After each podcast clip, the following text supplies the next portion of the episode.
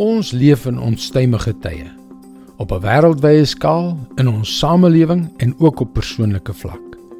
En of ons dit nou wil weet of nie, maar in onstuimige tye is hoop bitter skaars. Hallo, ek is Jockey Gouchee vir Bernie Diamond en welkom weer by Vars. Toe die apostel Paulus aan die kerk in Rome geskryf het, was daar baie spanning tussen Joodse en nie-Joodse Christene. Wat die spanning vererger het, was dat hulle ook moes ly onder die brutaliteit van Caesar se bewind.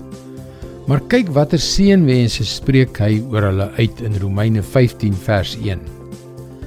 Mag God, die bron van hoop, julle deur julle geloof met alle vreugde en vrede vervul, sodat julle hoop al hoe sterker kan word deur die krag van die Heilige Gees.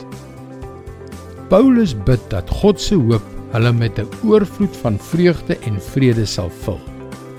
Hy praat nie net van gewone hoop nie, maar hoop wat al hoe sterker word sodat dit deur die Heilige Gees ook na ander sal oorvloei. Die hoop waarvan Paulus hier praat, is die soort wat direk van God afkom. Dis 'n geloof wat deur die Heilige Gees met alle vreugde en vrede vervul is. Hy praat nie van die wankelrige en onseker hoop dat dinge gou sal beter gaan nie. Dis nie 'n tipe hoop wat ons soms deur positiewe denke uit niks probeer optower nie. Sou jy nie in hierdie onstuimige tye ook van hierdie soort hoop wil hê nie? Waarom gaan jy nie vandag na God en vra hom vir hierdie soort hoop nie?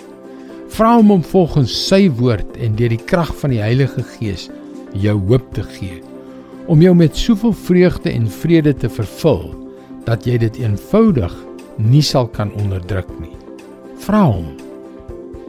Dit is God se woord vars vir jou vandag. En as jy die hoop van God met 'n nederige hart ontvang, gaan dit oorloop na die om jou. Jy gaan 'n impak hê.